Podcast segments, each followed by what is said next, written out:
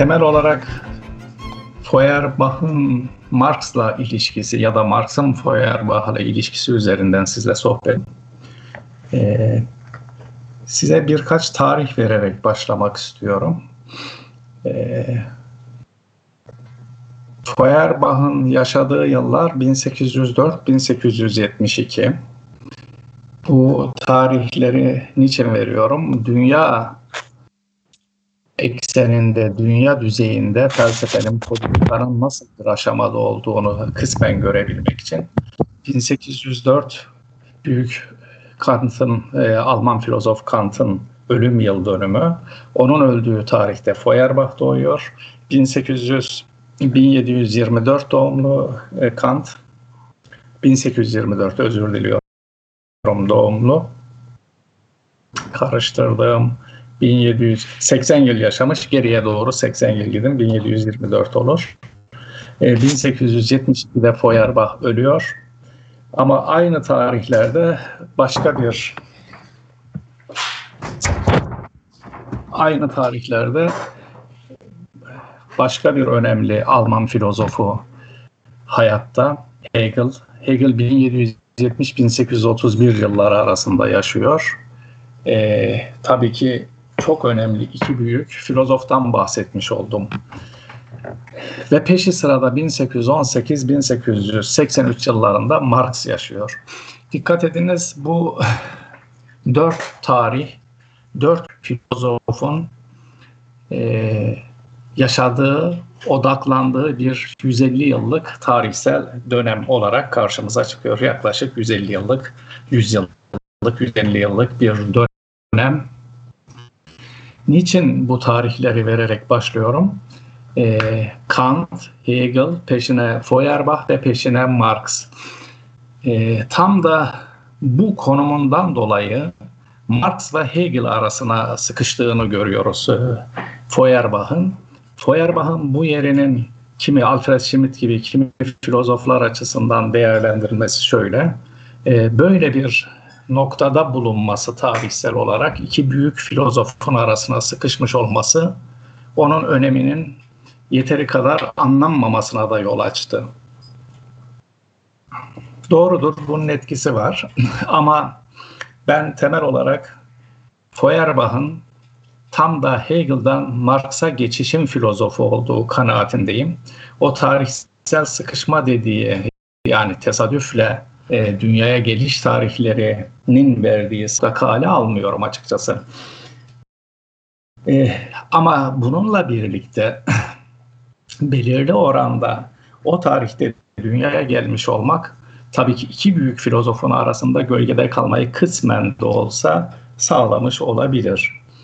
Şimdi Feuerbach'ın e, bu talihsizliğini ya da talihini bir kenara koyduktan sonra kısaca e, serüveninden bahsetmek lazım Feuerbach'ın tarihsel önemini kavramak için. E, çok etkili, nüfuzlu bir ailenin çocuğu. Babası da bir profesör. Ve kuzenleri Alman kültür dünyasında önemli yerlere yerleşmiş bunlar. e, o tarihlerin aile geleneğine uyarak babasının isteği doğrultusunda ilahiyat okumak üzere Heidelberg'e geçiyor. Heidelberg'de babasının e, üniversitede de bağlantıları var. Aslında iyi bir ilahiyat eğitimi alması beklenirken bir müddet sonra e, Feuerbach'tan mızıldanmalar duyulmaya başlıyor. Tabii e, bir anlamda basisi olan onun hayatının ve entelektüel şekillenmesinin arka planında duran hukukçu baba, e, hukuk profesörü babayı ikna etmesi gerekiyor. Derdi şu, Heidelberg'de ben ilahiyat okumak istemiyorum. Hatta alıntılayarak söyleyeyimse, e, Feuerbach'ın babasına yazdığı mektuptan alıntılıyorum. Artık ilahiyat okuyamam. İlahiyatın içinde yaşadım. Ama artık beni tatmin etmiyor. Ondan istediğimi alamıyorum. Filistin bana dar geliyor. Mecburum. Dünyanın genişliğine girmeye mecburum. Bunu da sadece felsefe kendi omuzlarında taşıyor. açık ve net bir şekilde Feuerbach'ın artık ilahiyatın, teolojinin ona verdiği entelektüel e, besinle yetinmediğini ve dünyayı kavramak için felsefeye ihtiyaç duyduğunu beyan ettiğini görüyoruz. E, baba şüphesiz bu karar karşısında uzun bir süre direniyor ama e, baba kalbi bir müddet sonra yumuşuyor ve Feuerbach'ın Berlin'e geçip Hegel'in öğrencisi olmasına izin veriyor. Feuerbach zannediyorum 2-3 yıl boyunca estetik dersleri istisna olmak üzere Hegel'in bütün seminerlerini ve derslerini izliyor. Burada biraz da dedikodu yapayım. E, Feuerbach gibi bir e, Hegel takipçisi var. Çok önemli isimler var derslerinde. Ama o müthiş Alman filozofu Hegel'in kürsüsü adını sanadını bilmediğimiz vasat bir öğrencinin profesörlüğüyle devralınmış oluyor. Feuerbach oradan da e, bir koltuk almış değil. Zaten e, daha sonraki akademik hayatında e, işte bizdeki doktor öğretim görevlisi kadrosuna denk düşen bir kadroyla ders vermeye başladığında e, Müstahar isimle yazdığı ölüm ve ölümsüzlük üzerine denemeden dolayı da akademiden atılıyor. Bunun altını niçin çiziyorum? Feuerbach'ın akademiden atılması hayatının bütününü belirleyen bir etki yaptığı kanaatindeyim. E, çünkü ömrü boyunca Feuerbach bir kez daha akademiye profesör unvanıyla çağrılmayı bekliyor. Niçin bunun altını çiziyorum? Bunun ne önemi var ki diyeceksiniz. Şunun için altını çiziyorum. Çünkü Feuerbach eşiyle birlikte çekildiği küçük kasabada sürekli olarak Marksist çevrelerden Marx dahil olmak üzere çık o küçük kasabadan gel kardeşim gazetenin başına geç, derginin başına geç birlikte iş yapalım teklifini alıyor. Bu anlamda e, gerçekten Feuerbach'la Marx ilişkisinin bir özel tarafı da var. Yani büyük bir e, filozof, e, görüşleri kısmen Marx'a yaklaşıyor. Daha doğrusu başlangıçta Marx'a, şimdi ağır ağır oraya geçeceğim. Marx'a önemli oranda ilham veriyor. E, üniversiteden kovulmuş, kendini komünist olarak tanımlıyor ama burada hemen parantez açarak söyleyeyim. Feuerbach'ın kendini komünist olarak tanımlaması Marx'ın bahsettiği türden bir komünizm değil. E, Marx'ın anladığı anlamda bir komünizm değil. Kısmen Adiller Birliği örgütünden haberdar gevşek ilişkileri var. E, ama bu ısrarlar karşısında Feuerbach sürekli sessiz kalmayı seçiyor. Burada bir şey daha söyleyeyim. O küçük kasabada yoksul bir duruma düştüğünde de çok şaşırtıcıdır. E, Alman işçi sınıfı harekete geçiyor. Muazzam bir destek kampanyası yapıyor. Yani şunu söylemeye çalışıyorum. Bir yandan da işçilerin tanıdığı bir filozof ve onlardan eh, dayanışma görüyor. Bu noktaya belki tekrar döneriz Feuerbach açısından. E, Feuerbach'ın temel e, çalışması değerli arkadaşlar Hristiyanlığın özü metni. Hristiyanlığın Özü adlı kitap iki cilt olarak e, çıktı. E, üzerinde çok çalışmaların yapıldığı kitaptır. E, kitap çıkar çıkmaz da gerçekten bütün bir Avrupa'yı etkileyen e, ağırlığını hissettirdi. Ağırlıklı bir kitap olarak çıktı ortaya. Bunu ifade etmek için belki de en güzel ifade Engels'in sözü. Engels diyor ki biz hepimiz birdenbire Feuerbachçı olduk.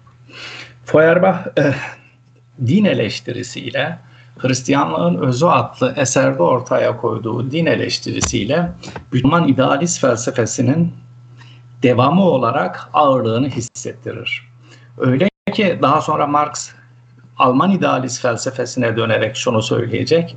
Siz tekrar yol alabilmek için, düşünebilmek için Foyer, Tire, Bach'tan geçmek zorundasınız. Bu ıstırap veren bir iştir. Çünkü orada Marx e, Feuerbach ismiyle oynuyor. E, bildiğiniz gibi Feuer ateş, Bach da dere demek. Ateş deresinden geçmek zorundasınız. Adeta cehennemden geçerek düşünmek zorundasınız artık diyor. Bana da sorarsanız idealist felsefenin bir kanadının e, Xenofones'ten gelen gelenek tarafından yenildiği noktadır. Feuerbach'ın ortaya çıkması. Yani bir e, geleneği, felsefi geleneği Feuerbach yerle bir eder. İşte tam da bu etkiden dolayı Marx, Engels, Feuerbach'ın öğrencisi hissediyor kendini. Bir nokta da benim dikkatimi çekmiştir Feuerbach okumalarımdan. Bilmiyorum ki oraya mı dönsem, hadi dönmüş olayım.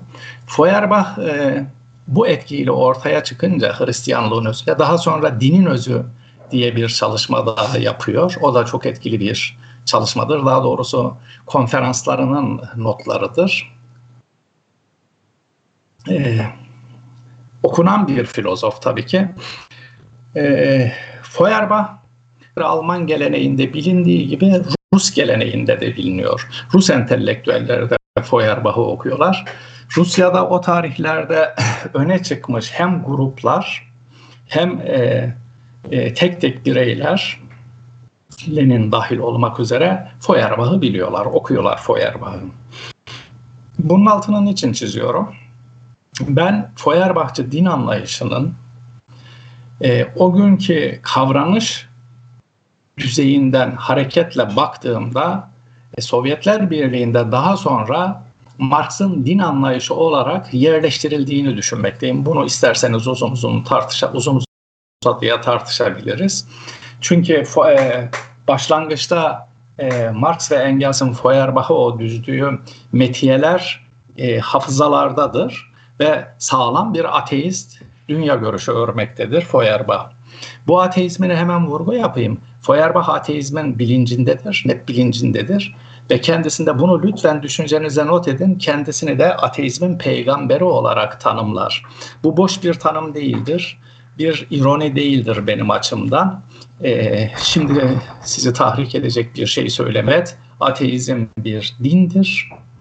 Ee, bu din olan ateizmin felsefedeki kurucu babası da en etkin ismi de hiç şüphesiz Feuerbach'tır. Buradan baktığımızda e, ben ateizmin peygamberiyim ifadesi Feuerbach'ın kendine ait bir ifadedir. Gelişi güzel söylenmiş, retorik gücü yüksek olan, süslü bir söz olmaktan ötedir, içerikli bir ifadedir. Benim e, perspektifimde bakıldığında Feuerbach'ın.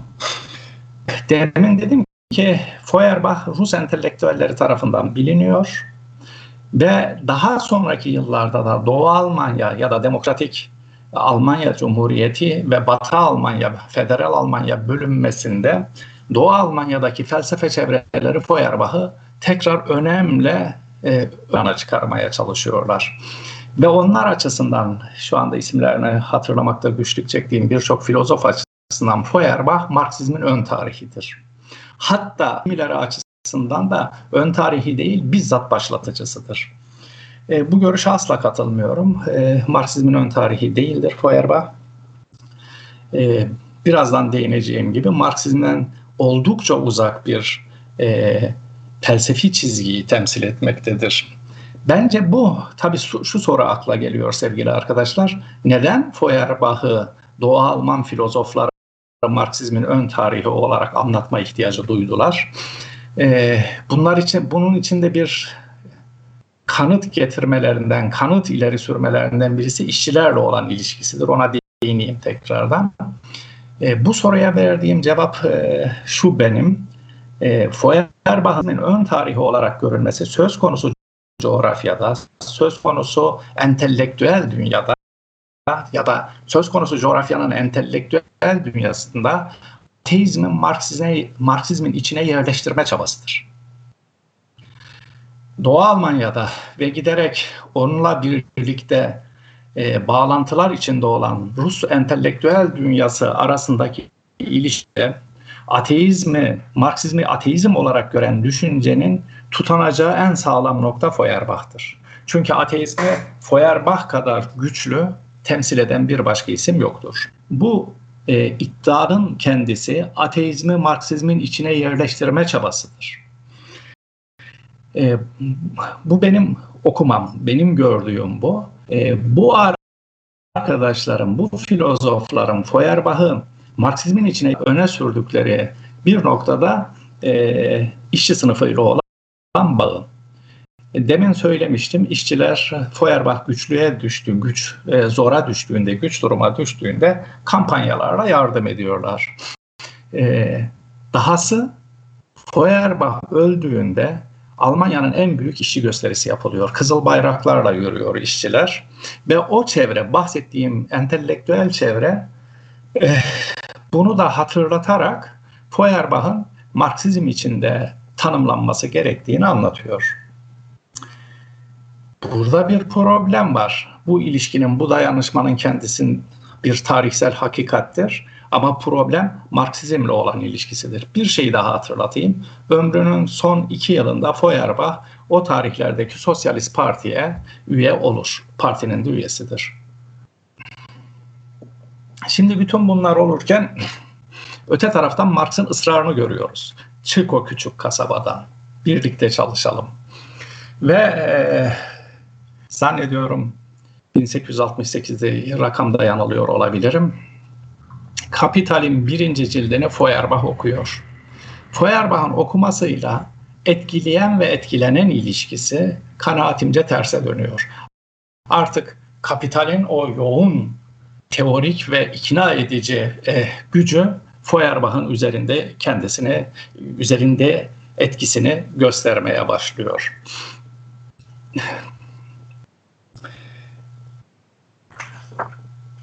Şimdi buradan ağır ağır şeye geçebiliriz. Ee, bu ilişkinin Marksizmle karıştırma, Marx nasıl bir konumda Feuerbach'ı ele aldı? Ne kadar sürem olduğunu bilmiyorum. Moderatör arkadaş lütfen beni 5 dakika önceden uyarsın. Ee, e,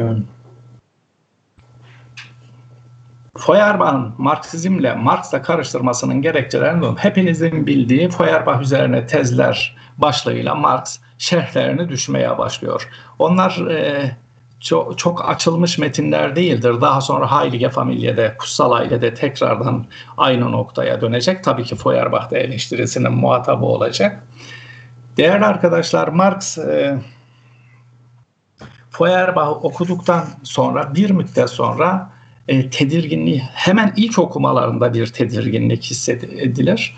E, e, e, okumalarından çıkardığı sonuçlarda anlatırken ufak şehirler düştüğünü görürüz. Bunlar çok basit amayla başlayan e, ifadelerdir. Ama o amayla başlayan ifadeler e, Feuerbach'ın teorisindeki, felsefesindeki çatlağın e, uçuruma döneceği yerlerdir. E, bir tanesini hemen söyleyeyim ya da durun şuradan anlatayım. Diyorlardı ki Marx ve Engels diyor ki Feuerbach'ın, bura lütfen aklımızda kalsın, Feuerbach'ın idealizmi onun insan ve din görüşünde hemen ortaya çıkar. Son derece muhkem bir görüş, son derece sağlam bir perspektif.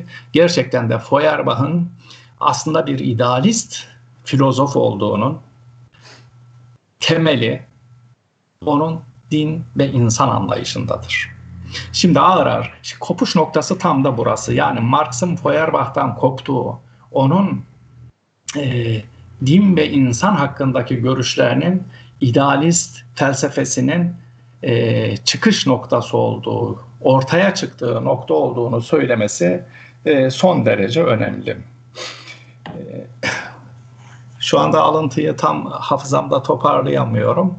E, bir tanesi şu, hemen Marx'ın tespit ettiği insanın toplumsal ilişkilerden soyut olarak işte gökyüzünün herhangi bir yerinde boşlukta tünemiş duran bir canlı olarak ele alınamayacağını söylemesidir. Bunu söylemesinin arka planında duran şudur. Çünkü tam da buna bağlı olarak Feuerbach diyor ki insanın özü dindir. Din, insan tek başına din üretebilen canlıdır. Din üretmekle de diğer canlılardan ayrılır. İnsanın özü dindir. Dinde insanın ortaya koyduğu düş özünün dışarıya doğru ifade edilmesidir.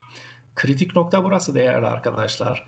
Bir öz tanımıyla dinden dolayı insanı tanımlamak Kant'ın akıldan dolayı, Aristoteles'in toplumsal varlık olmasından dolayı, Kasirer'in sembol yaratan ta, e, varlık olmasından dolayı tanımlanmasından özsel açıdan hiçbir değildir. Son derece idealist bir perspektiftir. İnsanı bir öz e, kavramından hareketle açıklamak. Bu Feuerbach'ta Kant'ın akıl kavramı yerine dine dönüyor.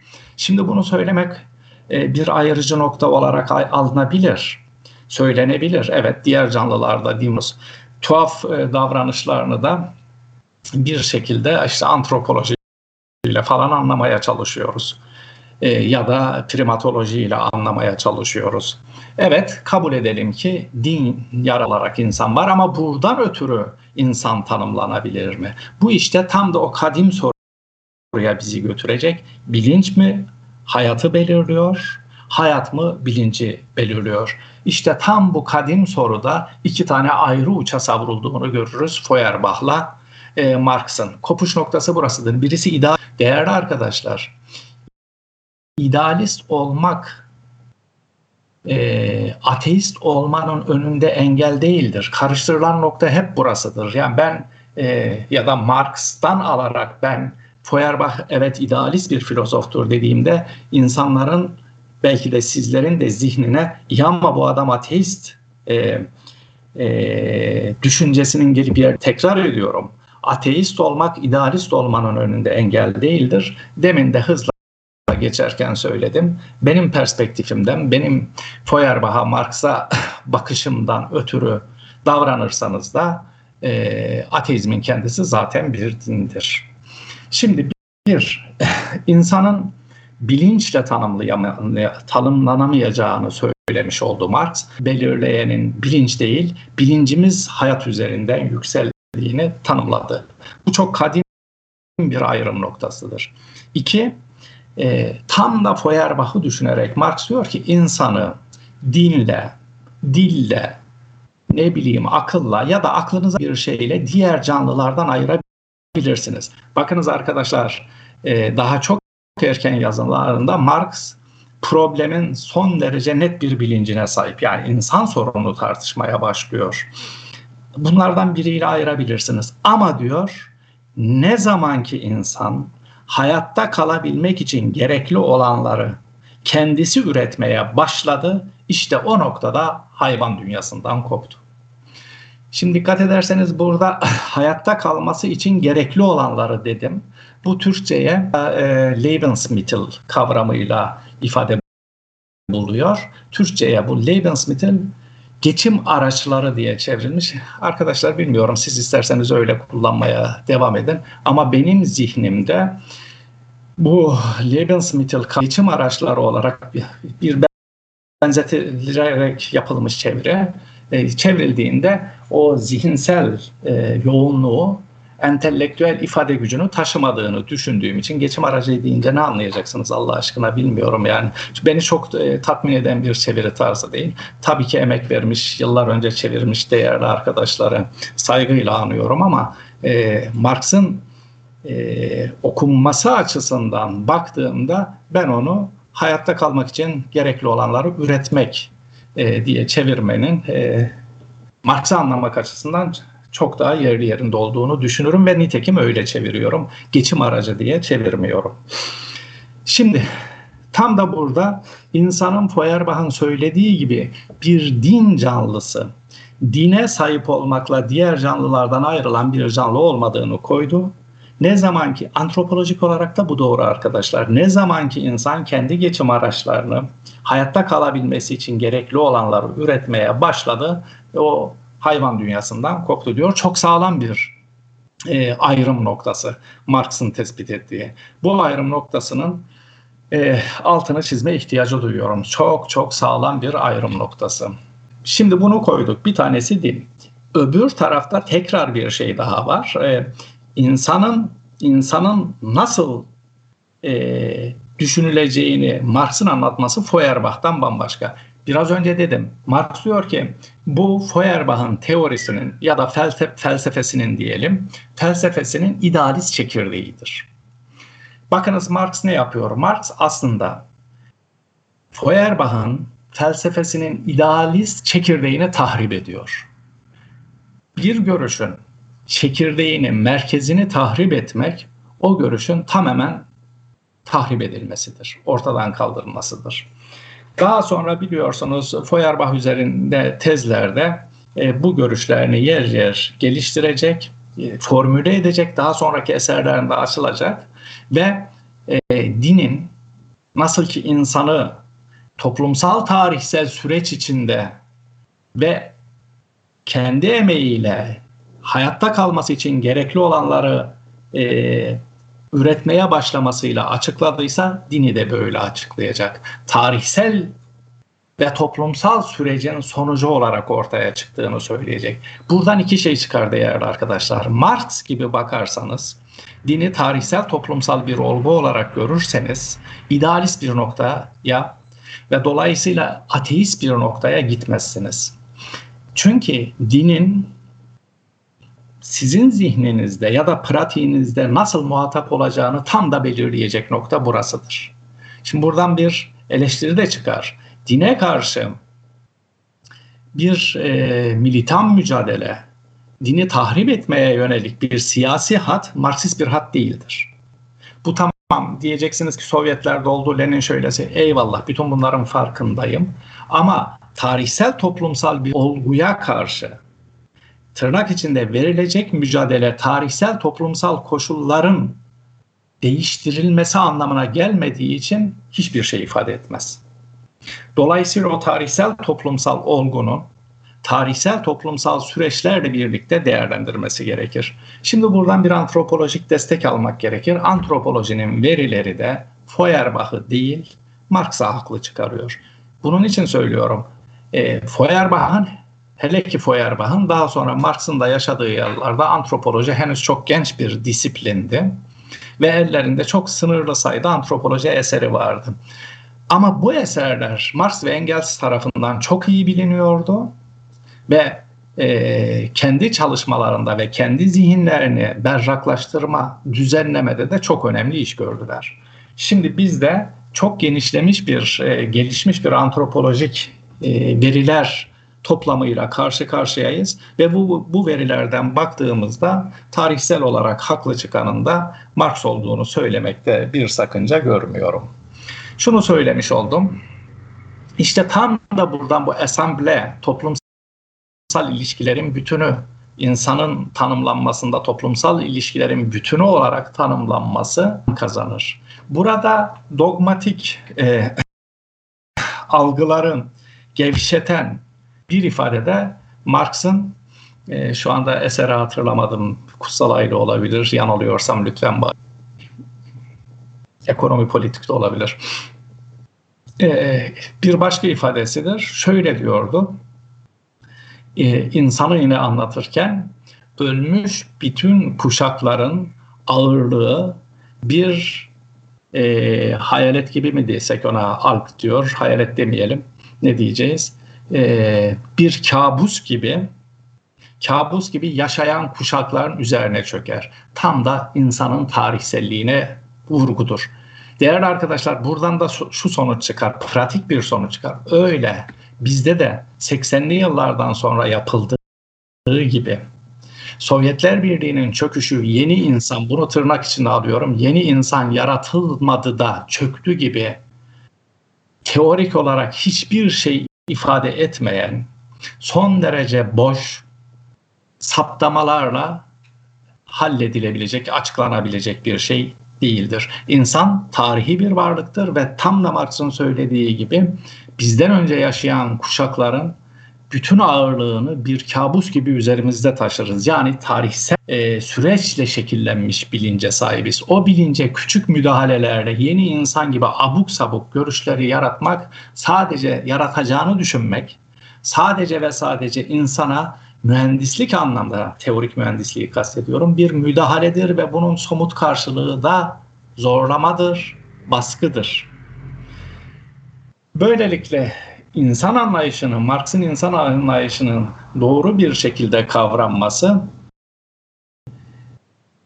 insanla kurulan ilişkinin, dinle kurulan ilişkinin de e, donelerini oluşturur. E, sözlerimi şunla bitireyim. Biraz önce e, ateizm bir dindir dedim. Bunun çok e, şaşırtıcı gelebildiğinin farkındayım. Şu anda şey kaynak hatırlamıyorum muhakkak e, bulunabilir. Ben de bulup söyleyebilirim. E, bu ifade benim uydurduğum bir ifade de değil. Benim kavradığım bir ifade olarak lütfen algılansın. Çünkü e, Engels ömrümün sonuna doğru tekrardan ateizm tartışmaları sürerken e, yazdığı bir mektupta yine bir Marksiste yazdığı bir mektupta diyor ki biz 30 yıl önce ateizmin bir din olduğunu zaten ilan ettik, söyledik. Bunun üzerine düşünmek lazım. E, düşünme neden önemli? E, pratik olarak dinle ve dinlerle kurulacak ilişkinin oturduğu zemin burasıdır. Eğer buradan itibaren düşüncemizi şekillemeye başlarsak o bizi çok rahatsız eden, nasıl ifade edeceğimi bilmiyorum, inançlı insanları her türlü ırkçılık boyutuna varan dışlamanın, küçümsemenin, aşağılamanın e, Marksizme ne denli yakın ya da uzak olduğunu da görme e, imkanlarına kavuşuruz. Değerli arkadaşlar, pazar günü beni dinlediniz. Çok çok teşekkür ediyorum.